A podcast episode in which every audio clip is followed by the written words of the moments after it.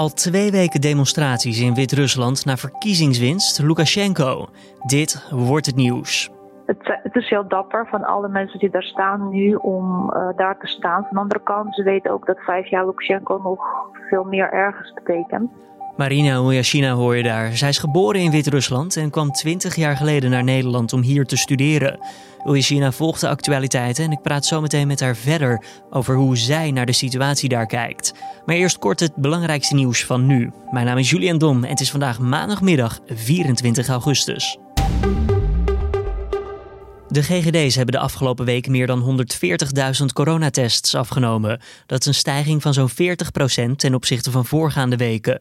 Het percentage geteste personen dat een positieve testuitslag krijgt, is met 1 procentpunt gedaald naar 2,5% Het percentage van deze week kan overigens nog wel iets opschuiven. Het RIVM maakt dinsdag namelijk pas het officiële aantal bevestigde besmettingen van vorige week bekend. Sinds in juni het testbeleid is verruimd, zijn nu meer dan 1 miljoen Nederlanders getest op het coronavirus. Het OM heeft maandag zeven jaar cel geëist tegen een 40-jarige man voor het doden van zijn driejarige zoon. Het kind werd eind vorig jaar in het water van het Noord-Willemskanaal in Drentse Ubbena gevonden en stierf bijna twee weken later aan de gevolgen hiervan. Volgens de man was er sprake van een noodlottig ongeval. Het kind zou zijn uitgegleden toen hij stond te plassen. De officier van justitie betwist dit en noemt de bizarre omstandigheden de schuld van de vader. Buitenlandse toeristen blijven voorlopig niet welkom op Bali. Het Indonesische eiland was van plan om 11 september de grenzen te heropenen, maar ziet daarvan af omdat het aantal coronabesmettingen weer oploopt. In heel Indonesië zijn meer dan 155.000 coronabesmettingen gemeld. Op Bali raakten 4000 mensen besmet. Toerisme is de belangrijkste inkomensbron voor het eiland en sluiten van de grenzen is een mokerslag voor de economie. De bezettingsgraad van sterrenhotels daalde in mei naar slechts 2 procent. Vanaf 26 oktober rijdt de directe treinverbinding tussen Amsterdam en Londen. 1 september kunnen reizigers de eerste tickets alvast bestellen. De hogesnelheidstrein doet 3 uur en 52 minuten over de reis tussen de Nederlandse en Britse hoofdstad. Het was aanvankelijk de bedoeling dat de eerste rechtstreekse Eurostar tussen Amsterdam en Londen eind april zou gaan rijden. Maar vanwege de terugval van het aantal passagiers door de corona-uitbraak stopten de treinen in maart volledig met het heen en weer gaan. Het aantal buitenlandse toeristen in Spanje is in juli weer een beetje opgekrabbeld. Maar het zijn vooral toeristen in eigen land die de sector draaiende houden. Dat blijkt uit cijfers die het Nationaal Statistisch Bureau heeft gepubliceerd. Zo'n 1,1 miljoen buitenlandse toeristen verbleven vorige maand in de Spaanse hotels. Een jaar eerder waren dat in de vergelijkbare maand nog 6,5 miljoen mensen. Spanje ontvangt doorgaans zo'n 80 miljoen buitenlandse toeristen op jaarbasis. En daarmee is het land de op één na grootste toeristenbestemming ter wereld, na Frankrijk. Dan ons gesprek van deze middag. Al twee weken wordt er hevig gedemonstreerd in Wit-Rusland. De verkiezingsoverwinning van president Lukashenko wordt internationaal in twijfel getrokken. En de inwoners zelf lijken volledig klaar te zijn met deze man. Voor deze Dit Wordt Het Nieuws aflevering heb ik contact met Marina Ulyashina, geboren in Wit-Rusland. Maar twintig jaar geleden kwam zij naar Nederland toe om hier te studeren. Ze volgt de situatie daar en ik vroeg haar wat zij van de beelden vindt die ze hier op internet en televisie te zien krijgt. Beelden van meteen na de verkiezingen zijn ontzettend uh, erg en gewelddadig. Uh, de, tijd komen met zo'n laag aantal uh, doden dat het eigenlijk gewoon ongeloofwaardig is. Ook omdat er nog steeds, ja, je hoort verschillende cijfers, maar tussen 50 en 80 vermisten zijn. En als je dat geweld ziet met auto ontploffingen, dan kan ik me eigenlijk niet anders voorstellen dat, dat de mensen gewoon er niet meer zijn. Maar goed, dat is allemaal gissen natuurlijk. En enorm veel gewonden, waarbij echt on, nog onduidelijk is hoe en wat en hoe je die mensen moet gaan helpen. Um, Als we dan even naar de president gaan bijvoorbeeld. Lukashenko die liet zich nu filmen en fotograferen met een vuurwapen in zijn handen en een kogelwerend vest om, militair, militaire outfit. Uh, wat zegt zo'n uitstraling volgens u?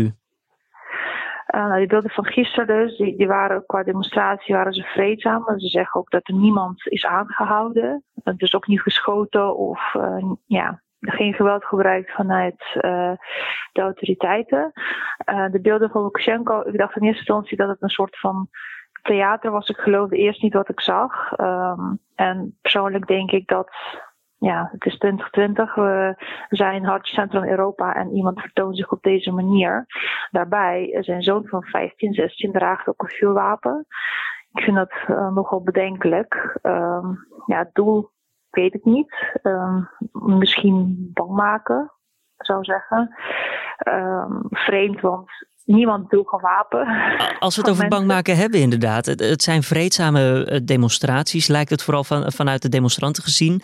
Ehm, maar toch, volgens mij, uh, is het redelijk gevaarlijk voor deze mensen om zich zo op te stellen tegen het beleid en tegen, tegen, de, tegen de autoriteiten. Hoe, hoe groot is het gevaar dat deze demonstranten lopen? Nou, die is reëel. Want uh, Lukashenko heeft tot nu toe gedreigd en ook uh, gedaan waarmee hij gedreigd heeft, het geweld.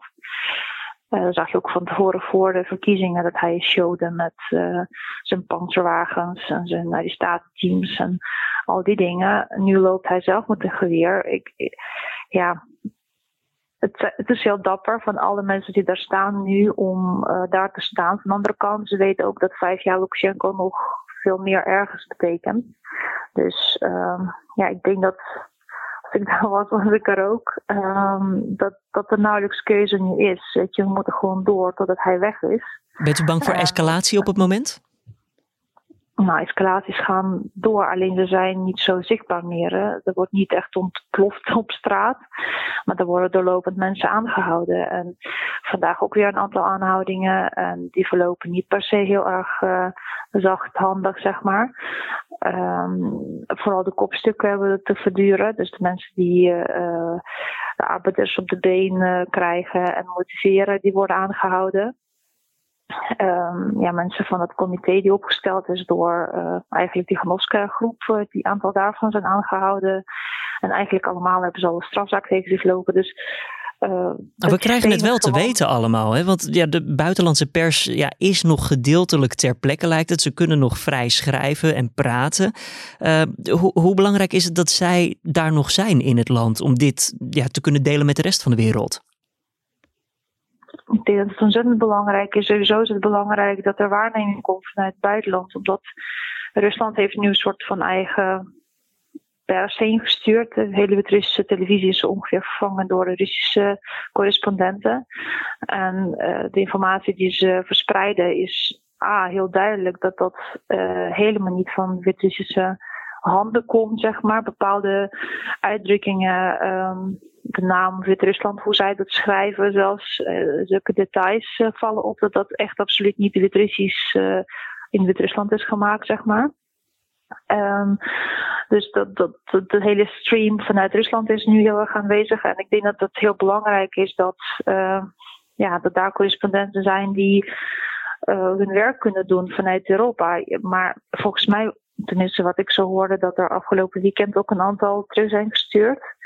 Um, dus uh, steeds minder plagen om daar naartoe te gaan om echt hun werk te kunnen doen. En ook mensen worden gewoon aangehouden. En ja, ook weer heel dapper eigenlijk om dat te doen in Wit-Rusland op dit moment. Het, het, lijkt alsof Lukashenko nog altijd flink hoeveelheid steun kan krijgen in, in zijn land. Nou, als je zo je vertoont met een wapen, denk ik niet dat je heel erg uh, zeker bent van je steun. Want als je, wat je zegt, met 80% gewonnen hebt, dan heb je zeker geen uh, geweer nodig in je handen. Dan loop je met iedereen te knuffelen, lijkt mij. Um, het leger steunt hem nog wel, lijkt het. Het leger, uh, ja, het leger steunt hem nog wel. Wat zou er nodig zijn, denkt u, om het leger aan de kant van het volk te laten staan, om die switch te maken?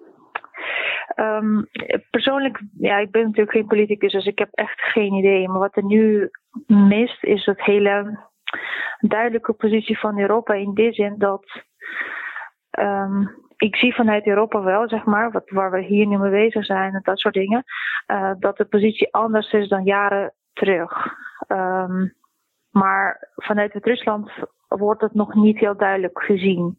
Zelfs uh, na de verklaring van Europa nu um, wordt er gezegd, ja, Europa doet het weer zo zachtzinnig. Um, nou, persoonlijk vind ik dat niet, maar mensen daar ervaren dat opnieuw zo. En dat is natuurlijk heel jammer. En dat is wat Lukashenko waarschijnlijk denkt van, nou ja, weet je, um, ik kan doen wat ik wil, er gebeurt toch niks. Hij komt overal mee weg.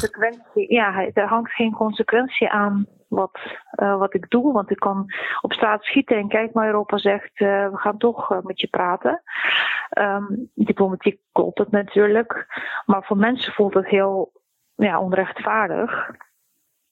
Ook omdat bijvoorbeeld nu ook ja, bepaalde bedragen toegezegd zijn. Dat veel mensen denken, ja, maar hoezo? Weet je, waarom krijgt Lukashenko weer geld van Europa? Hoe kan dat nou? Terwijl het natuurlijk niet zo bedoeld is. En ook niet waarschijnlijk op die manier wordt uitgevoerd. En hopelijk ook controle komt op die geldstromen. Maar ja, als Lukashenko hiermee wegkomt, dan is eh, ja, voelt dat voor mensen daar ontzettend onrechtvaardig. En ik denk dat het leger daarmee ook luister, leger kiest altijd de sterkste kant. En op dit moment de sterkste kans voor het leger en ook de opdrachtgever is. Dus voeren ze uit wat hij beveelt. heeft u zelf nog familie of vrienden wonen daar?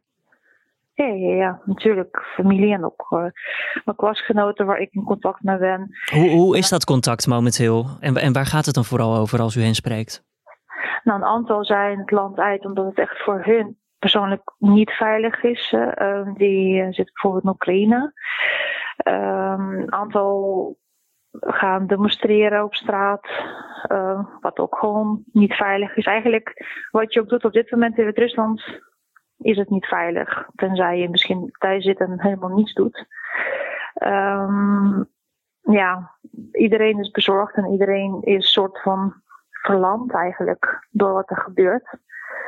Uh, mensen durven ook niet echt dingen te doen wat ze dagelijks doen. Weet je, het is gewoon één grote trauma voor heel het land. En dagelijks, dan bedoelt u gewoon ook zomaar op straat richting de boodschappen of naar het werk? Dat is ook al. Sport, alles lijkt gewoon allemaal zinloos voor heel veel mensen, omdat er, ja, omdat er toch uh, een grote ja, aanslag is geweest op hun leven, op hun dagelijks leven. En Ehm, is het geloof er bij de mensen die u spreekt dat het, dat het wel goed komt? Dat het ja, een, een positief einde zou hebben? Positief einde. Ja, ik vind het lastig. Ik, uh, ik hoop dat het snel wordt opgelost. Um, het is dusdanig eensgezind dat het eigenlijk voor mij voelt alsof het niet anders kan. Dat het echt gewoon goed moet komen. Dat mensen um, dus aan het samen zijn, dat ze al beslist hebben wat er moet gebeuren uiteindelijk. Um, maar of het daadwerkelijk gaat gebeuren zonder bloed, ik hoop dat dat, ja, dat bloedvergieten nu echt klaar is en dat dat regime geen slachtoffers meer maakt. Uh, Lukashenko is geen president meer. Voor Wit-Russen niemand die hem als president nog aanschouwt. Um, hij is bedreiging voor het land. Ik, ik, persoonlijk schaam me ervoor dat hij president is van mijn land. En mijn land is zoveel meer dan deze persoon. Um, alleen de vraag is hoe en wat er voor nodig is vanuit buiten Wit-Rusland en binnen in Wit-Rusland om hem ja, uit de positie te verplaatsen, zeg maar. Marina Uljashina, hartelijk dank voor deze toelichting en voor het gesprek. Dan het weer. Vanavond neemt de bewolking toe en in het zuidwesten is er kans op een bui. Morgen valt vanuit het zuidwesten op veel plaatsen enige regen en dat zal langzaamaan verder het land intrekken. Pas in de avond klaart het vanuit Zeeland weer wat op en het wordt zo'n 19 tot 22 graden dan. Morgenavond neemt de wind in kracht weer ietsjes toe. Om af te sluiten, Sander Schimmelpenning die stopt als presentator van het praatprogramma Op 1. Dat maakt de 36-jarige journalist maandag zelf bekend in zijn podcast, de Zelfspodcast. Zijn vervanger wordt dinsdag tijdens de seizoenspresentatie van de publieke omroep bekendgemaakt. Dat laat hoofdredacteur van Omroep WNL Bert Huisjes weten. Schimmelpenning, die ook hoofdredacteur van Quote is, zegt in december te zijn gevraagd voor de klus. En toen had hij al enige twijfel omdat hij het erg druk heeft. Vanwege de coronacrisis schoten de kijkcijfers vanaf maart door het dak. En vandaar dat hij wat langer is gebleven dan dat hij aanvankelijk had verwacht. En dit was dan de Dit wordt het nieuws middagpodcast van maandag 24 augustus. Tips of feedback kan je naar ons toesturen via podcast@nu.nl. Wens ik je voor nu een fijne middag en ik spreek je morgenochtend om 6 uur ochtends bij de Dit wordt het nieuws ochtendpodcast. Tot dan.